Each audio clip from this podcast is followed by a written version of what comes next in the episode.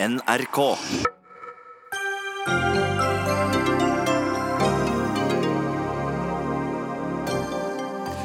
Det lille partiet Alliansen på ytre høyrefløy i Norge har ikke noe å gjøre på Arendalsuka, mener Antirasistisk Senter, som møter partileder og Arendals rådmann til debatt i Dagsnytt 18. Senterpartiets nestleder mener vi må innføre skoleuniformer for å minske de sosiale forskjellene mellom barn og ungdom. Det er helt feil medisin, svarer Høyre, som sier at dette handler om helt andre ting enn klær. Og statsministeren har kalt journalister for blodtørstige, mens kulturministeren har sagt at NRK og TV 2 ikke skal være for tabloide. Hva slags forhold er det mellom makt og medier i Norge om dagen?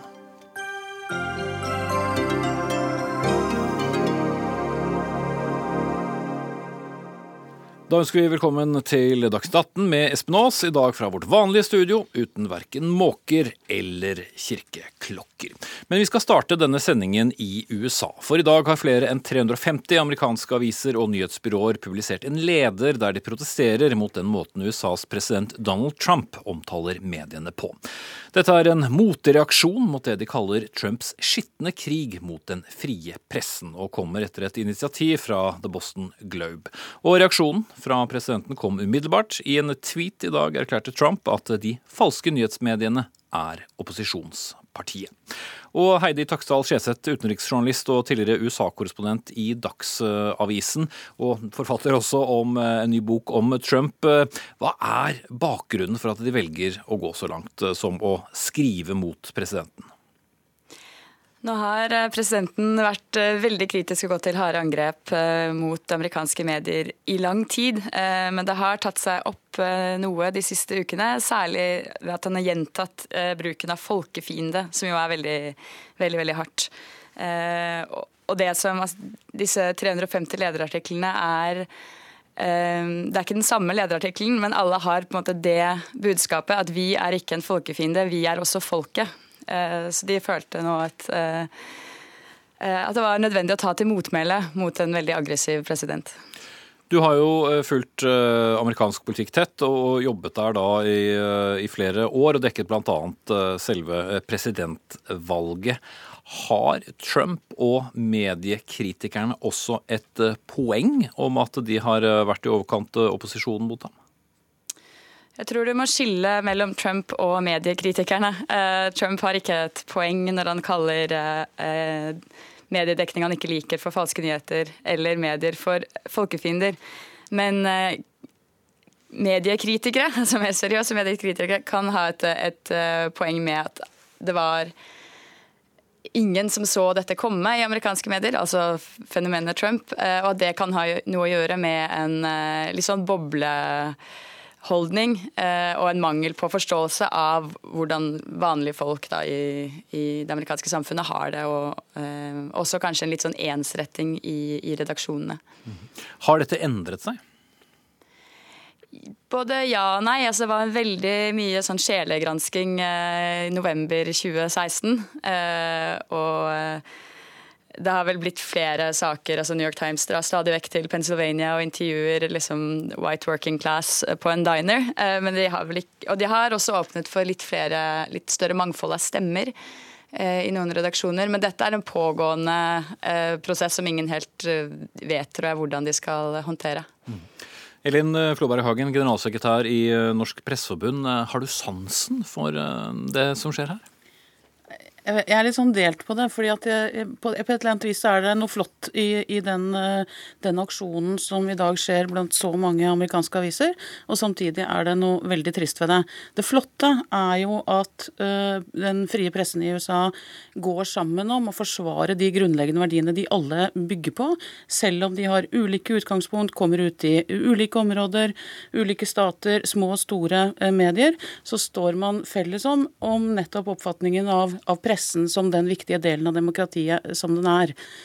På den triste siden er jo at det er nødvendig. Eh, fordi en eh, økende andel av den amerikanske befolkning har mistillit til pressen. Eh, og, og tror på presidentens mange utfall mot pressen. I den forstand så, så tror jeg også det er, det er, vanskelig å se for seg at denne overbeviser i hvert fall de mest ihuga tilhengerne på den siden. Kan det også fyre opp under de som deler Trumps syn om at mange aviser og det som nå har blitt så populært å kalle mainstream media, er en egen opposisjon mot Trump? Jeg er ikke noen ekspert på USA, men det er klart at det er klart at den polariserte samfunnsdebatten eh, den er så skarp, så opphetet, eh, at eh, den kan tolkes som ja, nå får vi det endelige beviset. ikke sant? Man, man, man splitter befolkningen. Men jeg tror, jeg tror, samtidig det er viktig med jevne mellomrom å minne om verdien av journalistikk. Hvorfor er dette viktig? Hvorfor er journalistikk viktig? Og da er det klart at det ene vi ser, er jo at presidenten hver gang han får en kritisk artikkel mot seg, virker det som, har et behov for å tvitre, gå ut, være ekstremt eh, eh, høylytt. Um, men, men, det viktige med journalistikken er jo, er jo, nettopp å informere borgerne om det som skjer. Stille de spørsmålene. Få frem de sakene som ellers ikke ville kommet fram. Det blir ikke noe mindre viktig i det klimaet som er nå. Mm. Eh, Skjetseth, du har jo nylig også skrevet boken 'Løgn hvorfor Trump lyver og hva det eh, gjør med oss'. Hva kunne ellers norske, nei, unnskyld, amerikanske medier gjort for å bedre forholdet eh, til presidenten, i den grad det er mulig? Jeg tror ikke det er amerikanske mediers ansvar å bedre forholdet til presidenten, eh, men det er deres ansvar å gjøre jobben sin og ikke, ikke fokusere på denne konflikten med presidenten hele tiden, men å, å, å, drive god journalistikk, eh, som jo innebærer å holde maktpersoner til ansvar, stille dem til ansvar. Og da, da må man ha eh, tillit i befolkningen, og jeg tror det er det som er amerikanske mediers største problem, i tillegg til en, en veldig aggressiv president. Um, så det er liksom altså eh, Washington Posts sjefsredaktør han insisterer ved stadig på det. Uh, at uh, vi er ikke i krig, vi er på jobb. Vi skal fortsette å gjøre jobben vår, og vi må gjøre den bedre. Og så er det mange, mange forsøk på altså det, Man må ha snakket om å være mer transparente være mer åpne på hvor man står, ha mer mangfold i redaksjonen. Altså det, er, det er en pågående liksom, søken etter hvordan man skal klare å bygge og beholde tilliten, som er helt nødvendig for at mediene skal ha den funksjonen de har i et demokratisk samfunn. Mm.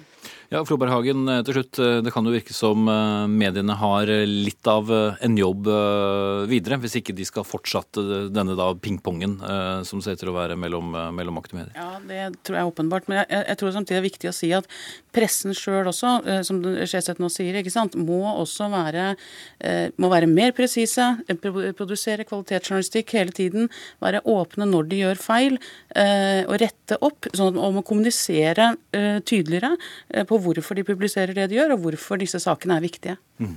Da sier vi takk til dere, Elin eh, Floberg Hagen, generalsekretær i Norsk Presseforbund, og mm, utenriksjournalist og forfatter Heidi Taksdal Skjeseth. Og senere i Dagsnytt 18 så kommer mange norske avisredaktører hit for å snakke om vår egen statsminister Erna Solbergs uttalelse om blodtørstige journalister i forbindelse med Sandberg-saken. Dagsnytt 18 alle hverdager kl 18.00 på NRK P2 og NRK2.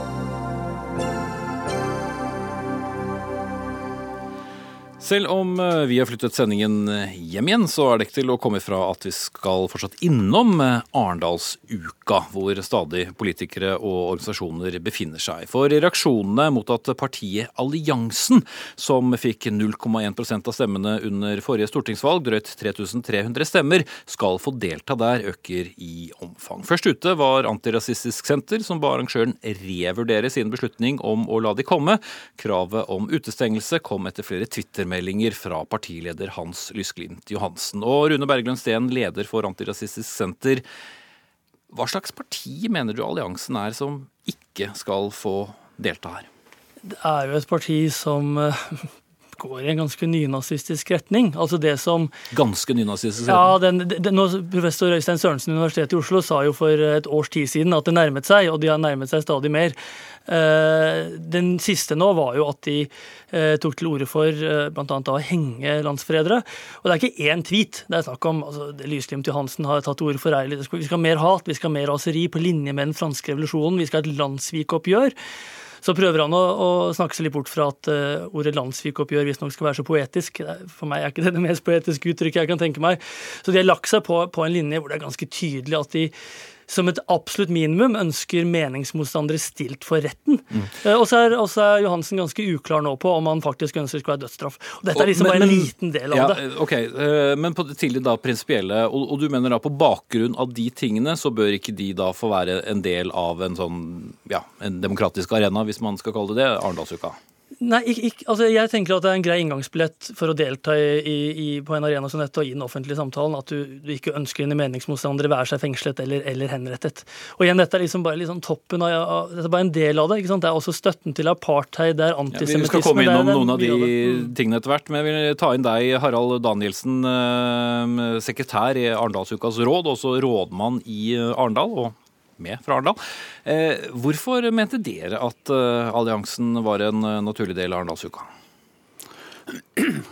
Vi fikk en henvendelse fra alliansen som et lovlig norsk parti. Og vi så ikke noe i deres statutter som tilsa at ikke de kunne komme. De var her i fjor. Vi hadde ikke noen utfordringer knytta til det. Så på det tidspunktet hadde vi ikke noe grunnlag for å avvise dem. Det må jo sies at uh, vi, hadde, vi, har noen kriterier for å delta, og hvor det er tatt høyde for at voldsretta og, og, rasistisk budskap skal vi ikke ha. Og det har dere ikke? Og det, det, vi ikke hadde uh, før uh, nå forrige uke, det var retningslinjer for oppførsel på sosiale medier. Det har vi nå fått inn for framtida. Eh, står du ved avgjørelsen? Jeg står ved avgjørelsen ut fra det grunnlaget vi hadde. Og, eh, men vil samtidig signalisere at ut fra de Twitter-meldingene som blir referert til, og som vi har sett, så må vi jo vurdere det framover. Mm. Eh, Sten, begrunnelsen til Arne Asuka, er den grei? Det er jo et lovlig politisk parti? Ja, men Det er godt å høre at, de, at de, de, de, tenker at de skal vurdere dette litt nærmere. fordi eh, Samtidig som Lysgrim til Hansen har gått langt hele tiden, så klart at, at med dette synet på hvordan landssvikere skal behandles, med dette synet på apartheid, så, så, har han tatt noen steg videre. Eh, og Det skjedde etter at han ble godkjent av Arendalsuka. Men så er det altså sånn at det er ingen som på en måte har et krav, et menneskerettslig krav eller noe som helst på en arena som dette. Og det er en god arena for alliansen. Da jeg gikk forbi der, så sto det seks ganske unge mennesker som virket positivt innstilt til å lytte til alliansen. Og Det er derfor de ønsker å være der. De ønsker å være der for å rekruttere. Men det gjelder vel alle organisasjoner, også dere, ønsker å være til stede hvor eh, det finnes andre politikere, organisasjoner og ikke minst eh, medier i bøtter og spann? Jo, men ikke for å rekruttere til en antidemokratisk sak, ikke til å rekruttere til en sak hvor man, man ønsker sine meningsmotstandere fengslet eller drept, ikke til en åpenlyst rasistisk sak. Eh, noen av de andre som har vært innom stand der, altså flere profilerte nynazister har jo, har jo vært der og hengt på stand og syns det har vært kos. Vi, må, vi, vi, er all, vi, er ikke pålagt å slippe til dette. Det er et valg om vi ønsker å gi dem en slik rekrutteringsarena. Mm. Dan Nielsen? Ja, jeg er helt enig i det til et visst punkt. Vi sa nei til den nordiske motstandsbevegelsen med bakgrunn i deres politiske manifest. Et manifest som vi oppfatta som både voldsretta og rasistisk. Og eh, Derfor ble de ramma av våre kriterier. Eh, vi hadde ikke på det tidspunkt grunnlag for å si det samme om eh, Lysglimt Johansen og hans parti. Så derfor fikk de lov, og de andre ikke. Da skal vi slippe til deg, Hans Lysglimt Johansen, leder for partiet Alliansen. Også du med oss fra eh, Arendal. Og som det har vært sagt her, du har lagt ut en del meldinger på Twitter om at vi bør ha et nytt landssvikeroppgjør i Norge med de som har stått for dagens innvandringspolitikk, og i tillegg om at Sør-Afrika fungerte bedre under apartheid, der du omtaler folk som frigjorte negere. Hva slags eh, parti er eh, Alliansen, Lysglimt Johansen? Det som er viktig, er at de påstandene som kommer her fra Antirasistisk Senter, de Nei, men, stemmer jo ikke. Stopp, stopp. Bare ta det, det, det som jeg spør deg om først, eh, Lysglimt Johansen. De meldingene, og bare forklar hva slags parti eh, er det, og hva slags partileder er du med disse meldingene? Og så skal vi gå på det eh, Berglund Steen sa etterpå. Dette er en leken provokasjon i det politisk ukorrekte nettopp for å trigge denne debatten som vi har nå. Og vi setter veldig stor pris på at det er mulig å ha en demokratisk, fredelig debatt på Arendalsuka. Alliansen er et demokratisk eh, parti som absolutt står for ytringsfrihet, ikke-vold, og som er en del av debatten i Norge. Men vi gjør det på en leken og mer provoserende måte, som er en internasjonal trend. Det er en del av brexit-trenden, det er en del av Trump-trenden. Men er det lekent å snakke om et landssvikeroppgjør med de som har eh, andre meninger om eh, innvandring? Vi mener at vi krever et uh, oppgjør med hvordan folket i Norge er overkjørt. Dels på EØS-saken, hvor vi er meldt inn da uten folkets vilje. Vi har stemt hva, hva nei to ganger. Ja, Vi krever et rettsoppgjør, et demokratisk rettsoppgjør. Et politisk oppgjør. Det er jo det vi er i hele tiden med den politiske debatten som føres fortløpende. Men har det begått lovbrudd, da? Ja, det er blitt begått lovbrudd fordi Norge, det norske folk, har stemt nei til EU to ganger. Allikevel så har de gått bak ryggen vår og ført oss inn via EØS-avtalen, som er en tre kvart avtale inn i EU, som om det var et EU-medlemskap. Og Det mener vi er lovbrudd. Men eh, så til eh, det som Rune Berglund Steen fra Antirasistisk Senter er innom her. Eh, og dette som handler om nynazister til stede på, på standen. Hvor står ditt parti når det gjelder nazisme og nynazisme, bare for å ha brakt det på det rene?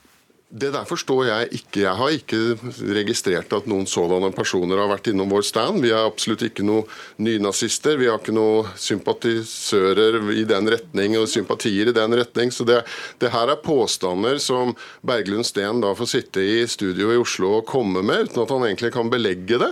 Og det er veldig trist. Kan du svare på det nå med en gang, Berglund Steen? Vi vet jo hvilke som har vært der. Du har selv lagt ut bilde av deg selv med en, med en, profilert amerikansk white supremacist, stolt som bar det, over å få lov til å stå ved siden av ham.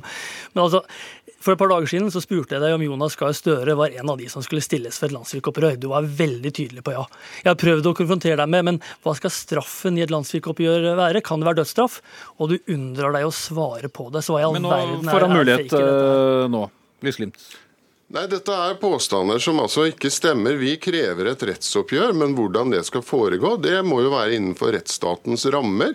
Altså, Vi er mye spissere og vi har en tøffere og spissere tone kanskje enn noen annen i norsk politikk, men vi er et fredelig, demokratisk parti som er veldig for ytringsfrihet, og som også vil bruke ytringsfriheten.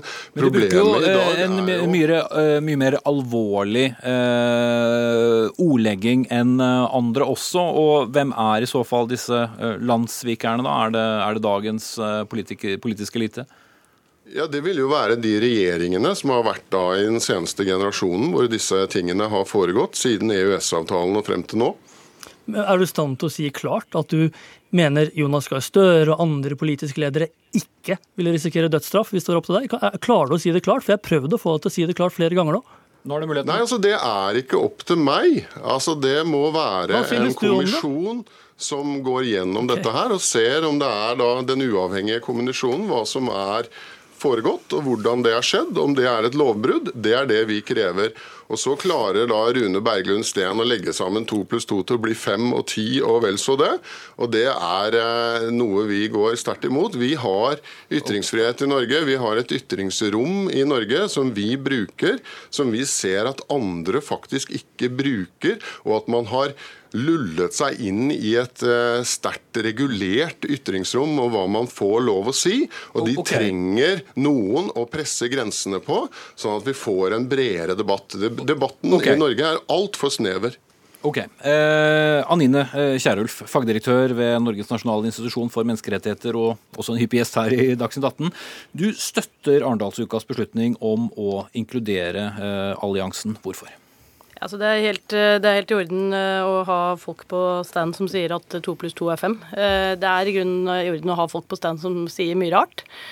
Eh, så lenge de ikke tar til orde for ulovligheter eh, eller eh, oppfordrer til vold eller andre ting. Vi skjønner jo ut fra Arendalsukens begrunnelse at det er en forskjell på hvordan de behandler partier som, eller organisasjoner som, som har en voldshistorikk, som har et antidemokratisk budskap, og de som for så vidt iallfall sier at de vil holde seg innenfor demokrati og rettsstaten.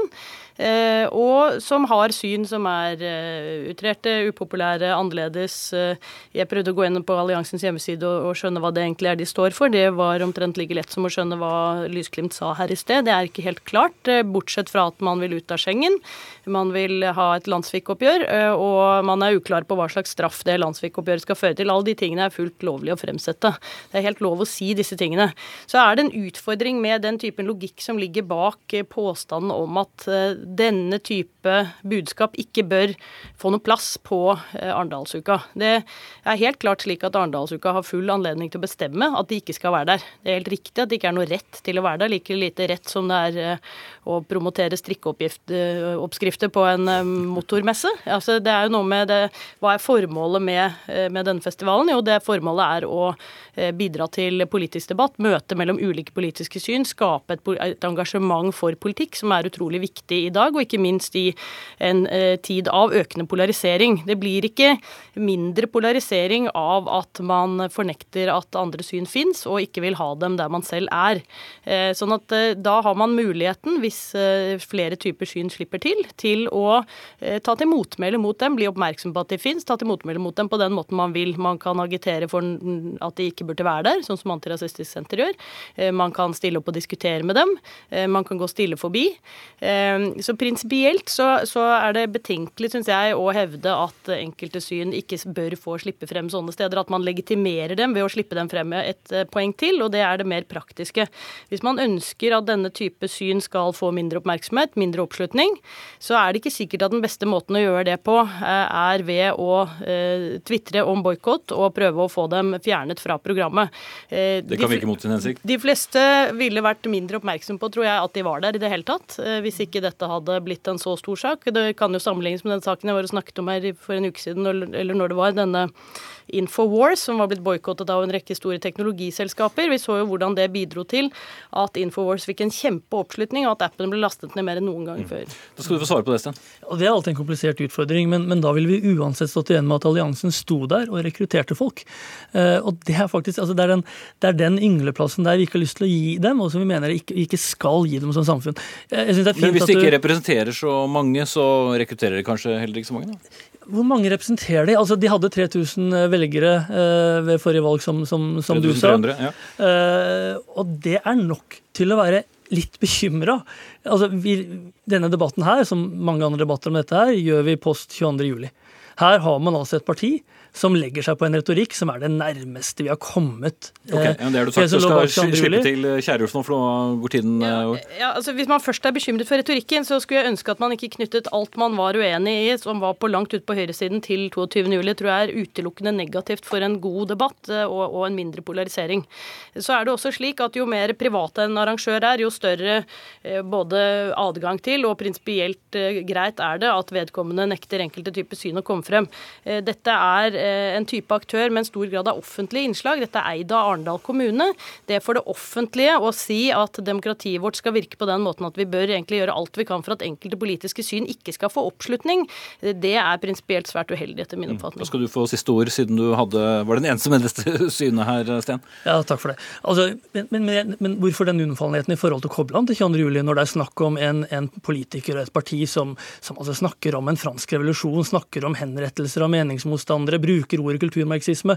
Eh, den, den unnfallenheten syns jeg er ganske problematisk, men jeg syns det er viktig at, og det er fint at det er stadfestet at menneskerettslig så har han ikke noe krav på å være der. Det er vårt valg, og jeg håper Arendalsuka får til et annet valg mm. Men du er enig at man ikke kan forby ham? Han er på kanten av det straffbare, så får vi se hvordan det utvikler seg. Eh, men å forby partiet som sådan, nei. Eh, men å gi yngleplass, heller ikke. Så er eh, spørsmålet altså om Arendalsuka, og i dette tilfellet også Dagsnytt 18 eh, gir eh, noen en talerstol som ikke bør gjøre det. Vi har nå valgt å gjøre det, og så vet vi at det er mange meninger om det der ute. Takk til Rune Berglund Steen, leder for Antirasistisk Senter. Hans Lysglimt Johansen, leder for partiet Alliansen. Harald Danielsen, som er rådmann i Arendal og sekretær i Arendalsuka. Og Anine Kierulf, fagdirektør ved Norges nasjonale institusjon for menneskerettigheter.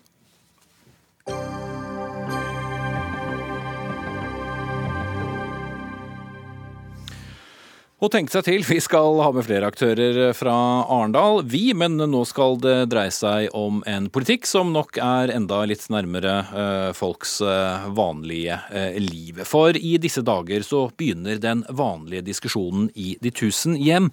Hva skal barna ha på seg når de går på skolen? Kanskje finnes det en rask løsning på dette evig tilbakevendende problemet. Skoleuniformer kan nemlig redusere statusjag, utseendepress og sosialt hierarki i skoletiden. Iallfall hvis vi skal tro kronikken 'En skole uten catwalk', skrevet av deg, Anne Beate Tvinnereim, nestleder i Senterpartiet og tobarnsmor. Er det løsningen? Det er iallfall et forslag som jeg tror har mye for seg. Og så eh, må jeg presisere før jeg starter at dette er mitt forslag, det er ikke Senterpartiets politikk. Men jeg har sjøl gode erfaringer med skoleuniform. Eh, fra, Senterpartiet i Oslo foreslo det samme for noen år siden, så ja. Ja, jeg var med på det utspillet også. Eh, og, og, jeg skjønner at det her er veldig fremmed for nordmenn. Og, og, noen forbinder det kanskje med sånne overklasseskoler i England og sånn. Men faktum er at skoleuniform er vanlig i veldig, veldig mange land i verden. Eh, det, eh, bruken av det øker ganske mye i USA bl.a. Og grunnen er er jo rett og slett at det blir eh, Altså da er barna eh, like i utgangspunktet. Eh, og og så kan man kanskje fokusere litt mer på personligheten enn på, enn på hvem man prøver å kjøpe seg til å framstå som. Ja, uh, Mathilde Tybring-Gjedde. Uh, skoleuniformer er jo utbredt, som Tynnerheim sier her, i, Storbritannia, i Frankrike, Italia, Spania. Uh, hvor da skoleuniformen først og fremst representerer skolen som den enkelte elev tilhører. Og du som stortingsrepresentant for Høyre, og ikke minst medlem av utdannings- og forskningskomiteen, er vel kanskje også opptatt av å minske de forskjellene vi ser i skolen?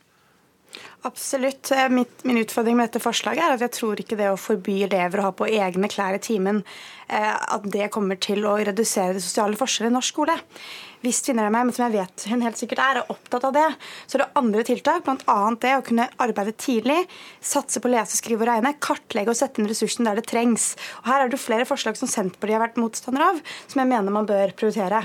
Men er det er det, det samme på... som å snakke om at det er forskjeller på ja, ofte hvor mye penger eh, foreldrene har, eh, har hjemme? Ja, men jeg synes også det er en veldig sånn forenklet forståelse av den hverdagen som barn er i. fordi at barn i dag, en niåring i gjennomsnitt har en eh, smarttelefon. Mange har tilgang til sosiale medier. De er eksponert for dette på så mange plattformer at sosiale hierarkier som man har på skolen, er ikke, det er ikke der det først og fremst er gjeldende. Det er på så mange områder. Så uniformering av barn for å bekjempe det som, det som er en stor utfordring, nemlig at unge føler på at de må selvrealisere seg selv og sammenligne seg med andre, det mener jeg er på en måte å prøve å slukke slukke en brann med en innsalgsflaske. Det er ikke der, eh, der det monner. Tvinnereim? Altså, eh, skoleuniform eh, er ett blant er ett tiltak som jeg mener kunne, kunne redusert ganske mye bekymringer både for barn og foreldre, for den saks skyld.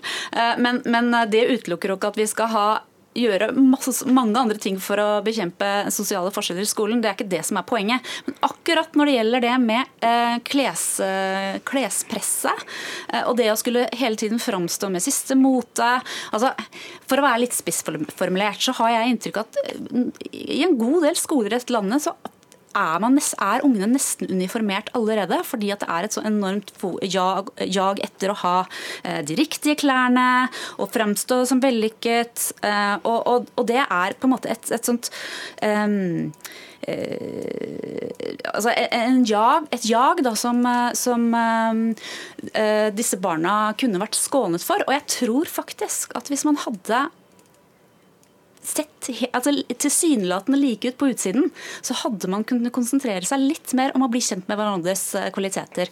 Ja, Tybring-Edde, denne debatten har jo gått, eller Dette foreslås jo med jevne mellomrom. Jeg lette litt tilbake i arkivene tidligere i dag og fant ut at Barneombudet foreslo det for 20 år siden blant annet. Mm. Hva risikerer vi egentlig med å innføre skoleuniform, eh, hvis vi ser til siden det at du mener det er feil medisin?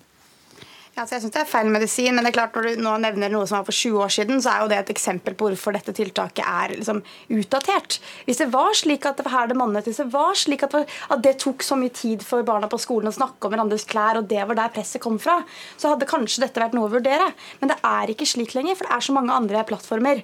Og Da handler det heller om hvordan skal vi få elevene og barna til å mestre det, og kunne håndtere stress og press på andre måter. Og det må vi også gjøre. Og det gjør vi nå gjennom å ha, få livsmestringen som tverr tverrfaglig tema på skolen. Så her på en måte de møter ungdommens utfordringer på, med, med på en, forstå, Vi må forstå deres hverdag, og den er ikke i klasserommet hvor man sammenligner seg med sidemannens klesplagg. Dessverre så er det på mange andre arenaer. Da skal jeg la dere to voksne debutantene få hvile litt. Nå skal jeg trekke inn tredjemann her. Agathe Våge fra Elevorganisasjonen. Hva syns du? Vil det ikke være god idé å i hvert fall minske forskjellene på hvordan folk ser ut på skolen? Nei, jeg tror jeg er enig med Mathilde. Jeg tror det blir å eh, sminke grisen, i bruk av en annen eh, kreativ metafor. Um, jeg synes det er veldig bra at Anne, jeg tror at Anne Beate oppriktig har på en måte elevenes velvære at heart, og det syns vi er veldig positivt at man løfter en diskusjon om hvordan elevene kan få det bedre på skolen. Men vi mener at dette er eh, helt feil medisin. Det står klinkende klart i artikkel 8 i Barnekonvensjonen at barn har rett til egen identitet, og identitet det uttrykker man på ulike måter. Det er personlighet, det er det man sier, det er det man føler, det er det man tenker. Men det er også måten man kler seg på, og eh, de identitetsmarkørene man har på seg. Så vi tror at man må heller ta tak i roten av problemet. Roten av problemet er jo at eh, det er mobbing i skolen. Det må vi løse. Det er nok ikke så lett som at man bare innfører en skoleuniform. Der må man jo heller få inn flere lærere. Vi tror lærernormen vil hjelpe med å følge opp hver enkelt elev. Man må finne flere helsesøstre. Man må finne miljø miljøterapeuter. Man må rett og slett få på plass et team rundt eleven som kan hjelpe elever som har det kjipt, med å mestre egen hverdag. Og, og Det er sikkert ikke Tvinnereim uenig i, men siden hun er litt alene mot dere to, så skal jeg bare legge til at jeg har jo da jobbet i Storbritannia i noen år hvor dette er helt vanlig. Og jeg tok en, om en uhøytidelig spørrerunde til mange av mine engelske venner og bekjente. De bekreftet jo at selv om de syns skoleuniformen kanskje var både ubehagelig å ha på seg og ganske stygg, så var det nettopp det at man aldri sammen sammenlignet eh, hverandre og hvem som hadde de dyreste eh, buksene eller skjortene. Riktignok kunne man finne klær og, og sko eh, osv. Er ikke det et poeng at du ville, ville fjernet det segmentet, Våge? Nei, jeg er usikker. Nei, jeg er uenig i det. Eh, for Det er viktig å huske at eh, elevene er ikke bare på skolen. Elevene møter jo hverandre utenfor skoletiden også. I tillegg så har vi jo sosiale medier som gjør det lettere noen gang å sammenligne, eh, sammenligne oss med andre mennesker. Så det vi heller må lære, er jo å, å mestre det at vi er ulike. Jeg tror virkelig at det å få inn folkehelse og livsmestring som et over, som fagovergripende tema vil gjøre mye for å hjelpe elevene her. Fordi vi må jo heller lære at vi er ulike og tolererer hverandre og aksepterer hverandre. For det at hvis vi bare innfører skoleuniform, så utsetter vi bare dette problemet til når man er ferdig på skolen. Så det syns jeg blir veldig merkelig at man skal innføre en, en skoleuniform. Det, det, kommer ikke til å løse noe som helst. ok, Anne Beate Tvinnereim. Ja, nå, nå, er det jo sånn at De sosiale og økonomiske forskjellene mellom folk her i landet øker. Og barnefattigdommen øker. Og da eh, tenker jeg at, altså La oss tenke litt nytt. Eh, hvis vi kan ha en sånn derre eh, likt utgangspunkt, et likt sånn starting point for disse ungene når de kommer som eh, opplagte seksåringer inn i norsk skole, istedenfor at de skal få slått i fleisen at de er, eh, har mindre ressurser enn en naboen har, så syns jeg det i alle fall har vært en diskusjon. Og jeg konstaterer jo at, eh, som jeg nevnte tidligere, i USA så øker bruken av skoleuniformer. I 2014 så hadde hver femte offentlige skole i USA krav om skoleuniform, og det har vært en eksplosiv økning. Og det har vært nettopp i områder hvor det har, hvor det det har vært sosiale utfordringer og hvor det er store fattigdomsproblemer. Nettopp fordi at man skal bekjempe den type forskjeller. Så jeg må bare si at Jeg synes det er et paradoks. fordi at Senterpartiet er skeptisk til å ha kartleggingsverktøy, skeptisk til å prioritere tidlig innsats på lesing, skriving og regning, grunnleggende ferdigheter. Eh, men så skal man begynne å heller prøve å sminke over utfordringen med at alle skal kle seg likt. Problemet er at det er ikke slik dynamikken mellom barn og elever er. De finner måter å lage sosialt hierarki på. Derfor er det mm. å ha et godt læringsmiljø er, og det å snakke om det og klare å møte de utfordringene på andre måter, istedenfor å uniformere alle barn. Og så er uniformer i all hovedsak forbeholdt land der man har et veldig annen relasjon mellom lærer og elev. Mm. I Norge, en av de tingene som man er god god på i Norge, er at lærerne har mye sånn trygghetsrelasjon til elevene. Det er ikke den formanende liksom så på klasserommet, snakke for mange elever. Man er opptatt av relasjonsbygging. Og det, og det å tro at man skal da liksom skape klasseautoritet, da, som jeg også har sett at du mener det skal fungere, tror jeg også er en dårlig idé gjennom uniformering. Jeg tror ikke det er eh, riktig for barna eller læreren. Veldig kort til slutt, eh, Tvinnereim. Som sagt, dette har vært foreslått gjennom eh, mange år. Det kan jo se som det er en tapt sak? Du, jeg har ikke tenkt å bruke dette. Dette skal ikke være min kampsak inn i neste valg, det kan jeg love dere. Men jeg har, jeg har gått med skoleuniform sjøl i en veldig lite hierarkisk skole på New Zealand, og jeg syns det var veldig ålreit. Da sier jeg takk til eh, Anne Beate Tvinnereim, nestleder i Senterpartiet, Mathilde Tybring-Gjedde, stortingsrepresentant for Høyre, og Agathe Våge fra Elevorganisasjonen. Selv stilte jeg selvfølgelig i programlederuniform i dag.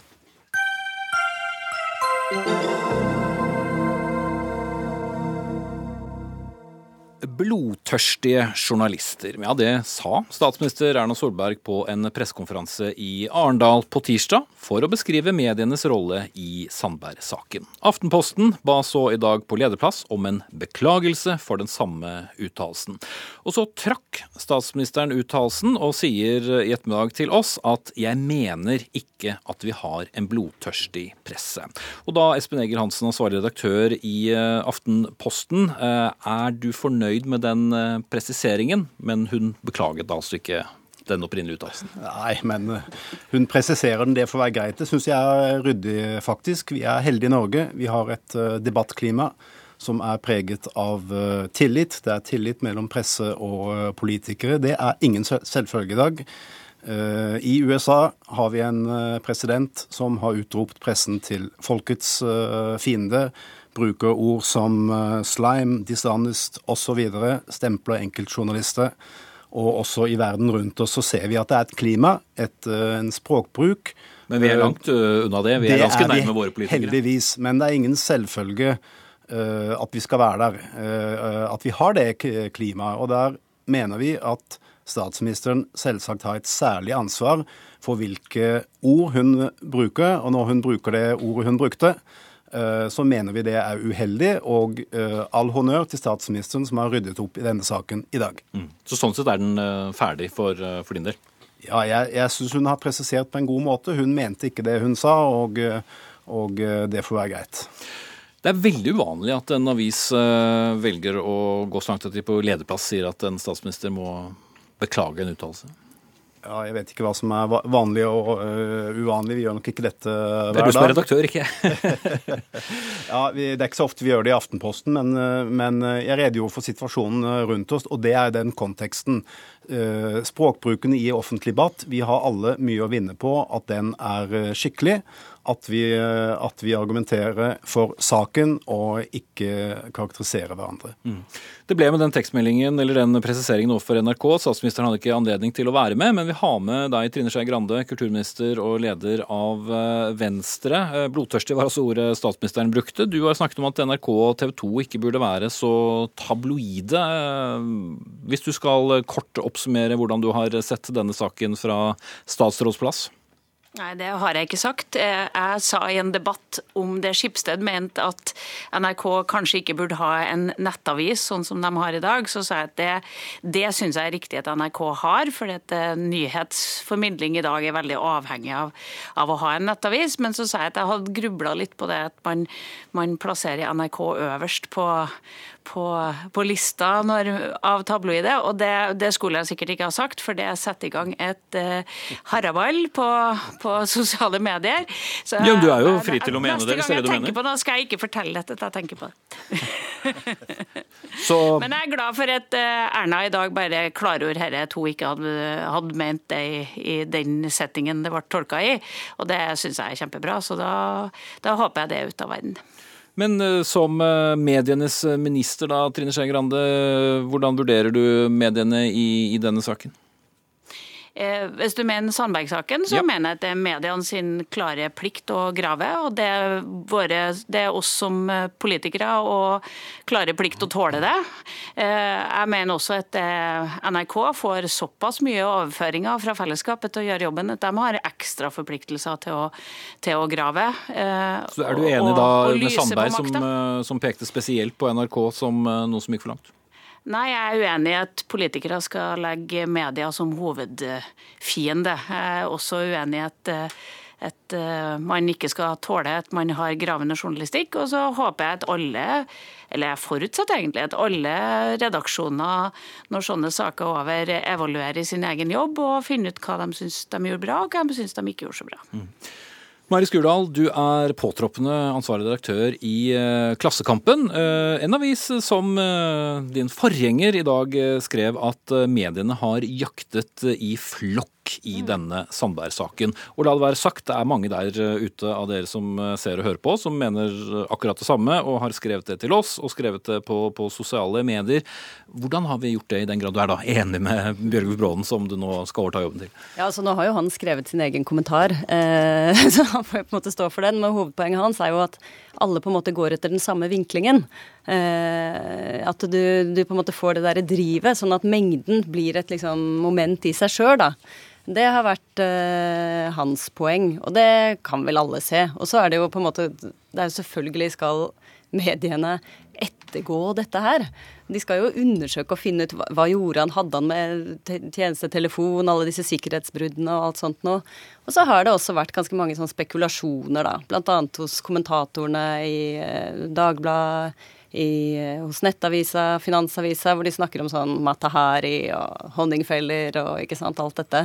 Som, det er jo ikke gravejournalistikk. Det er jo insinuasjoner. Mm. Og det har sett for likt ut, rett og slett? Altså avisene og vi i TV og radio har vært for like? Ja, altså det kan jeg tenke deg. Nå har det vel vært på Sandberg en veldig uheldig situasjon, fordi han mista jo sine egne i denne saken også. Det var så mange i Fremskrittspartiet som ikke syntes det var så stas at han plutselig hadde fått en, en asylsøker som kjæreste, da. Det gikk mot et eller annet de trodde på. Sånn at han Det gjorde jo at han hadde jo ingen i, i ryggen til slutt til og med disse Document og rights.no og sånt, som har på en måte vært utrolig sterke støttespillere for han og hans linjepolitikken, har jo vært oppgitt. Tybring-Gjedde, Carl I. Hagen, alle har liksom latt mm. han falle da. og Derfor gikk han nok av som nestleder også. Men det gjør jo at det, det blir en sånn tilleggsdimensjon, da. Først så er alle mediene enige om liksom den ene store fortellinga, og til og med hans egne folk, ikke sant. Det ja ja, han har sikkert hatt tøffe dager. Eh, Espen Egil Hansen, har mediene vært eh, for like og jaktet for mye flokk i den saken, slik du ser det fra Aftenposten? Det, det, er jo veldig mange medier i Norge, heldigvis. Eh, det, det, det, er jo også en stor verdi. Jeg tror det er ca. 200 medier i, i, Norge. Jeg tror noen Det er mulig å diskutere dekningen og enkeltord som er sagt av enkeltmedier. Og så ja, er også min opplevelse at de spørsmålene som er stilt, er relativt eh, like. Men jeg tror det er en grunn til det. Og det er at denne saken ikke først og fremst handler om politikk. Det handler om er det begått brudd uh, på, på, sikkerhetsbestemmelsene. Har han som statsråd opptrådt uklokt og på en sånn måte at han ikke er egnet til å være statsråd? Det er ikke så mange spørsmål, men det, det dreier seg om de samme tingene. Og det tror jeg ser litt likt ut om du sitter i Aftenposten eller, eller du sitter i, i, en, i, en, i, en, annen redaksjon. Mm. Kulturminister Trine Skei Grande, når uh, dere statsråder dere imellom har diskutert uh, denne saken, som jeg gjerne ville hørt mye om for så vidt, men har dere også uh, diskutert at kanskje løper man for mye i flokk her? Altså, jeg synes jo at det, det, er liksom to dimensjoner av dette. Det ene er at alt blir for likt og ting blir dratt ut av proporsjon. Men, men det er jo Altså, Vi har ikke større redaksjoner i Norge enn at hvis det virkelig skal avsløre store ting, så må de nesten løpe litt i flokk. Det er ikke alltid at ett medium kan løfte en sånn sak eh, på, på, den samme måten. For det handler om hvilke ressurser vi har tilgang på. Så det er sånn dualitet på det. Av og til så må man løpe i flokk for å avsløre de store tingene. Det er ikke én som kan gjøre det. Og så av og til så blir det litt unyansert, og så blir det en kamp om eh, kamp om å få større og større overskrifter. og så, Derfor så håper jeg jo at alle liksom diskuterer hva var bra og hva var dårlig i den jobben man gjorde. Mm. Tor Gjermund eh, Eriksen, kringkastingssjef her i NRK. Du ble til og med bedt om å gå av eh, av eh, den nå avgåtte fiskeriminister Per Sandberg. Hva tenker du om dekningen? Den har jo vært massiv også her i NRK. Det har vært Dagsnytt, NRK.no, Dagsnytt 18, Dagsrevyen osv. Dag etter dag. Nå var jeg ikke helt alene om å komme dårlig ut av den pressekonferansen til, til, Per Sandberg. Min kollega i TV 2 skulle vel gå av. Han var skuffet over alle de norske mediene. Over sine egne partifeller, over folk flest. Um, så En som kom godt ut av den pressekonferansen, var, var, vel Iran og kjæresten. Uh, sånn at, uh, og den pressekonferansen som, som, var på en måte tillyst til, som jeg syns var veldig bra. Han sa at jeg skal stille opp, svare på alle spørsmål, men det som skjedde var jo at han kom ned. Det var et velregissert, ganske kort uh, møte, og det var ikke mulig å stille spørsmål. Det tror jeg han hadde, hadde, tjent på. Og så kommer det sikkert flere runder i denne saken så er det sånn at det at vi sitter her, er jo bra i seg selv. Og vi skal tåle å høre på de ulike meningene. Og jeg reagerer ikke negativt på at kulturministeren deltar i en, en mediedebatt. Og her har vi jo medier som har hatt litt ulik rolle og ulik mening. Men jeg tror at Espen Engel Hansen er inne på noe, at denne saken har på en måte en en, et hendelsesforløp som gjør at dekker man det, så er det mulig, så er det litt vanskelig å gjøre noe helt annet.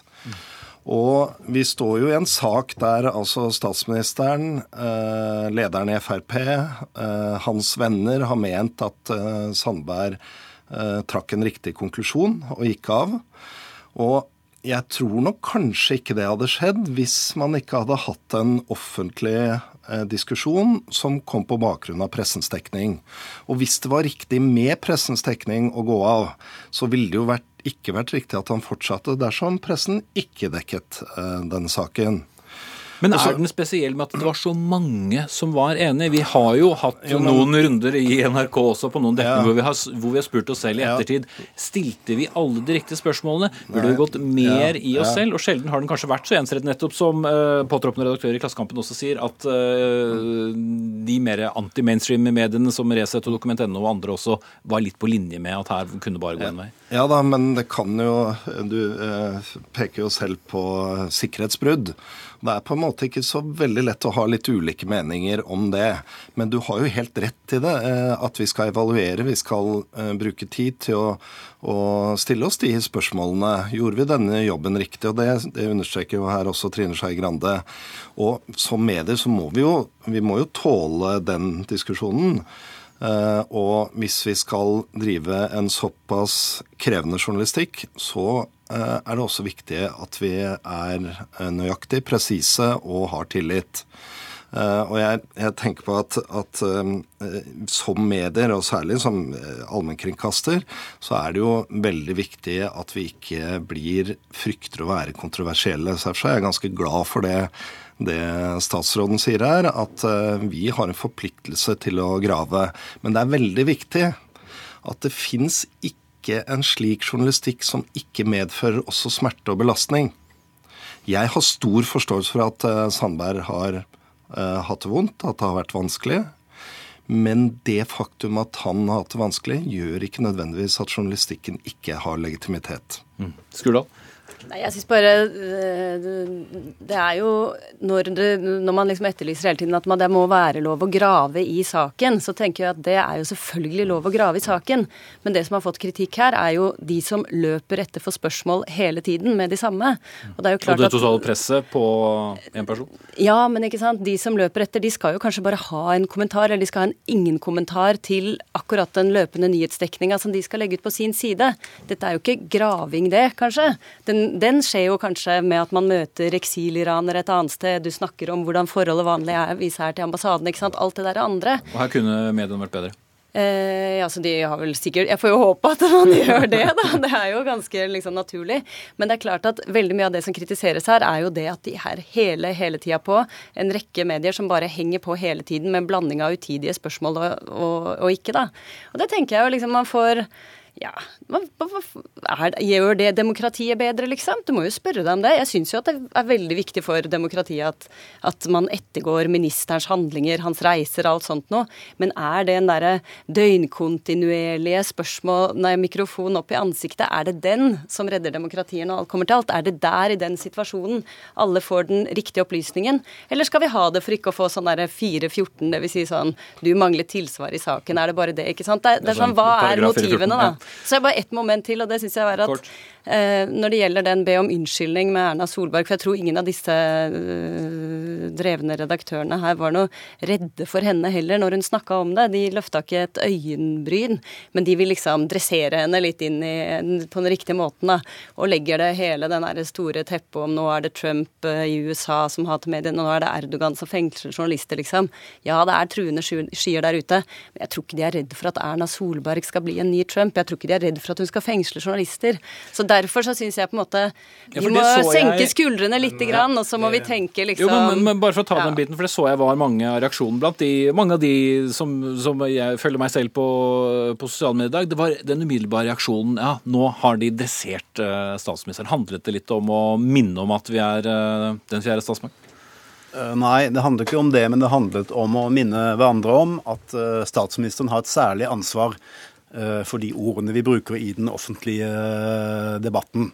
Eh, og der syns jeg statsministeren faktisk har gått foran i dag, vært en god leder, og sagt at det var faktisk ikke det jeg, det jeg mente. Mm.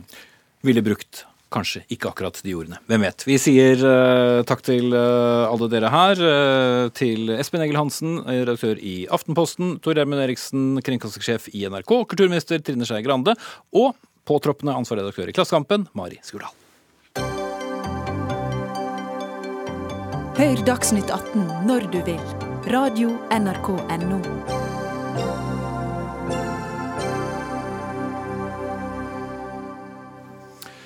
Og til eh, slutt her i Dagsnytt 18 så har vi faktisk alle deltakerne i eh, studio. Tenk det. Det skal handle om eh, noe som er veldig viktig for oss alle, nemlig vannkraft. Som står for det meste av kraftproduksjonen i vårt langstrakte land. Og Det betyr bl.a.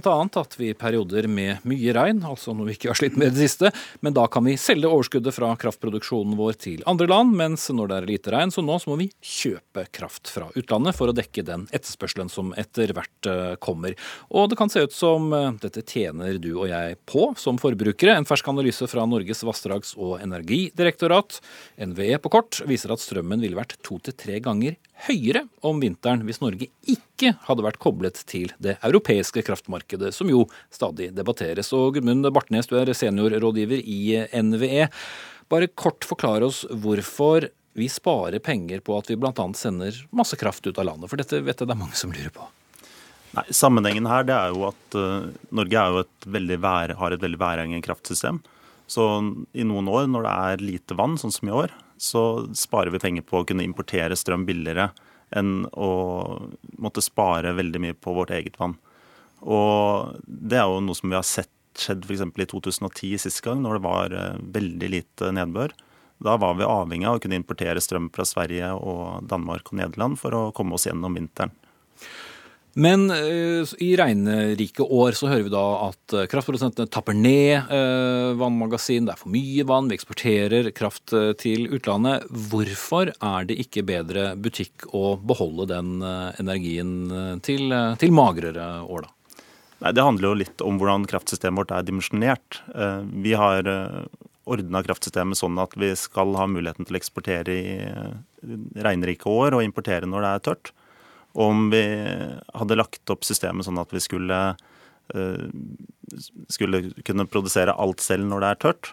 Da måtte vi ha bygd mye mer kapasitet, enten i form av reservekapasitet eller internt nett i Norge. Mm. Så, så, kraftproduksjonen måtte vært bygget betraktelig ut, og det ville vært da dyrere enn å være det markedet vi er? Er det sånn å forstå? Ja, den produksjonen ville jo da gått til spille i de årene hvor det er mye regn. Så fordelen med å handle det er at vi tjener på det både i, regn, i våte år og i tørre år. Mm. Midt oppi all denne eksporten så er nå en ny strømkabel mellom Norge og Skottland under behandling. Og Sigbjørn Gjelsvik, stortingsrepresentant for Senterpartiet, dere mener, har jo ment at dette vil gi dyre strøm. Eh, er du uenig i det NVE her har sagt? Nei, men altså, Vi har jo lang tradisjon i Norge for kraftutveksling. Det har jo vi med våre nordiske naboland helt tilbake til 60-tallet. Etter hvert så har vi òg bygd ut eh, forbindelser til kontinentet. Men det vil dra litt i bremsen nå? Ja, og det, det er viktig at det er det viktigste for norske politikere å tenke hva som tjener norske arbeidsplasser og norske interesser. Her er det snakk om, og det har jo bl.a. Statnett også, som sa i sin nettutviklingsplan fra i fjor, at det ikke er grunnlag for nye utenlandsforbindelser nå. NorthConnect i konsesjonssøknaden sier at hvis en bygger den kabelen, så vil det økte strømpriser i Norge. Derfor så er det viktig at vi tenker på hva er det som har gitt fortrinn i Norge når vi har bidratt til å bygge ut både vannkraft og annen eh, strømforsyning i Norge. Ja, Det har bidratt til å bygge landet efter at det har brukt det til å bygge industri, i tillegg til å ha gode strømpriser for nordmenn. Mm. Kjetil Kjenseth, du er leder av energi- og miljøkomiteen på Stortinget for eh, Venstre. Eh, er det bra å bare få eksportert så mye strøm vi kan når vi har det? Stort sett så har jo Norge for mye som vi ikke får brukt i Norge. Da er det bra når noen utenfor Norge kan betale godt for den. Det tjener oss alle. Og så er det noen eh, år hvor det er tørke eller andre årsaker til at vi, vi mangler strøm. Eh, og i, i, sommer så har særlig landbruket tjent på at vi har hatt muligheten til å importere. Altså at vi har hatt utenlandskabler å spille på for, eh, for, å få pumpa masse vann ut på, eh, på, jorder og åkre for å holde husdyr- og matproduksjonen i gang. Så Det har tjent landbruket særlig. Det har også tjent mange skogeiere, fordi at vi har hatt mange skogbranner. Og det her må vi berede oss mer på. Eh, vi får i tillegg altså en klimautfordring som gjør at vi kan få lengre tørkeperioder. Og så får vi også perioder med mer, mer nedbør. Men, men, hvis vi går tilbake til poenget her, for nå var vi kanskje langt ut på jordet for, for enkelte, med, med altså strøm, en ny strømkabel som gjør det mulig til da å også eksportere mer kraft. Det, det, mener dere er bra? da? Ja, for i hovedsak så tjener vi mer på den enn vi skal Altså vi eksporterer mer enn vi importerer, og det tjener Norge på, og det er bra. I tillegg så er det bra for klimaet fordi at vi får eh, eksportert eh, ren energi, norsk fornybar energi inn i, eh, inn i en eh, litt gråere energimiks på kontinentet i, i Europa, som trenger, eh, trenger, at Norge stiller opp med den. Og det tjener klimaet på. Ja, altså Første stopp Storbritannia. Det er jo atomkraftverk og, og annet, uh, Gjelsik. Uh. Jo, men altså vi, vi skal bidra med, med også, uh, energi til Storbritannia. Det gjør vi på, på ulikt vis, både gjennom strøm og gjennom gass eksempelvis. Men allikevel så må jo vi som norske politikere tenke hva som tjener norske interesser. Og tjener heller ikke verdens klima om vi legger ned noe av den reneste industrien i, i, verden, som er kraftkrevende industri i Norge. Det som er grunnleggende feil og synd med Venstre, er jo at de har gjort et linjeskifte det har sagt det, at nå skal norske interesser vike for EUs interesser. Vi skal underlegge oss en energiunion der vitale deler av norsk energipolitikk ja, ja, er det det samme? Er det... fra EUs side. Jo, det, det, er en viktig men, element i det her. Senterpartiet har jo også sagt ja til den norske klimastrategien, at vi skal knytte oss til EUs eh, kutt eh, på 40% innen 2030. og Da må jo også det innebære noen forpliktelser for Norge. og At vi sammen eh, i eh, landene i Europa skal få ned klimautslippene. Da må vi bidra. Og så har norsk industri har i hovedsakelig langsiktige kontrakter på 15-20-25 år. De har første og beste tilgangen til, til strøm. Og i, eh, stort sett så har vi altfor mye. Det er ingen grunn til å stenge inne de enorme investeringene som norske kommuner i kommunale krafteide selskaper eh, har gjort. Det er jo mye bedre at vi tjener penger i hovedsak på det, eh, og så får vi importere de få årene vi har behov for det i Norge. Men, men bare få en presisering fra deg da, Gjelsvik, for å forstå deg helt riktig. Altså, du mener det er greit at vi er en del av det europeiske kraftmarkedet som i dag, og eksporterer der vi kan og importerer når vi må, men du ønsker ikke en ny kabel og ytterligere muligheter for eksport? Definitivt. At Allerede i dag, de, når de kablene og kapasiteten som er under bygging er på plass, så har en altså en overføringskapasitet på 30 av den norske produksjonen. Da er det viktig å høste erfaringer med det før en vurderer nye kabler. Den kabelen til eh, NorthConnect-kabelen er altså private aktører som står bak. Eh, dessverre, dessverre, dessverre hvem er de private aktørene? Jo, jo, For de er jo Agder Energi, og de er eid av norske kommuner. Så det, er jo, det som er, viktig, dessverre, den rød-grønne regjeringa var opptatt av at her er det Statnett som bør eie og drive slike kabler. Dessverre, det, som var Venstre med i forrige periode på å åpne for private aktører inn. Men du er jo kommunenes mann, og det er jo masse kommunale det, som, det, som skjer, det som skjer, og som en har sett, og som har vært en viktig effekt ved at det er Statnett som eier og driver, det er jo at eh, overskuddet fra eh, utenlandskablene kommer norske forbrukere til gode gjennom redusert nettleie. Fra 2013 til 2015 var det over 2,2 milliarder kroner i redusert nettleie som følge av overskudd som gikk tilbake. Så, det, er viktig, så det er viktig at det er Statnett som eier og driver. Kjenseth. ja, det, her er jo kjempebra, men jeg skjønner ikke hvorfor Senterpartiet skal rote seg inn i en retorikk som skaper frykt i det norske folk for at vi eh, verken skal bidra til å få en renere energimiks, eller at vi tjener på å, å være i et kraftsamarbeid med andre land. Eh, det å bruke at Norge er til salgs, at vi selger arvesølvet, eh, at vi mister suverenitet, det er jo helt feil. For her er det norske politikere i kommuner, i fylker og i Stortinget som vedtar eh, både utbygging av kabler Jeg må stanse denne strømmen av ord. Beklager. Ansvarlig for Dagsnytt 18 i dag var Anne Katrine Førli. Teknisk ansvarlig Eli Kyrkjebø. Jeg heter Espen Aas. Takk for i dag.